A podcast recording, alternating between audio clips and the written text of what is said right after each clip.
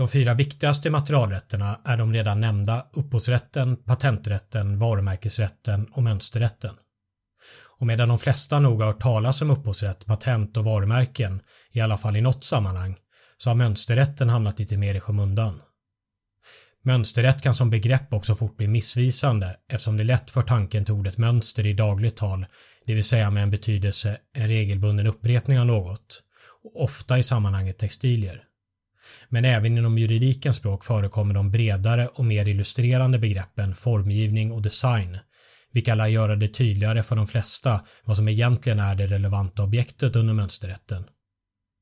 Varumärkesrätt, mönsterrätt och patent brukar ibland också grupperas under begreppet det industriella rättsskyddet tillsammans med regler om otillbörlig konkurrens. Varav det sistnämnda främst syftar till regler om marknadsföring och regler om skydd för företagshemligheter. Reglerna om otillbörlig konkurrens är emellertid inte immaterialrätt, även om dessa regler angränsar till immaterialrätten och kan vara nog så viktiga att ändå ha i åtanke i immaterialrättsliga sammanhang.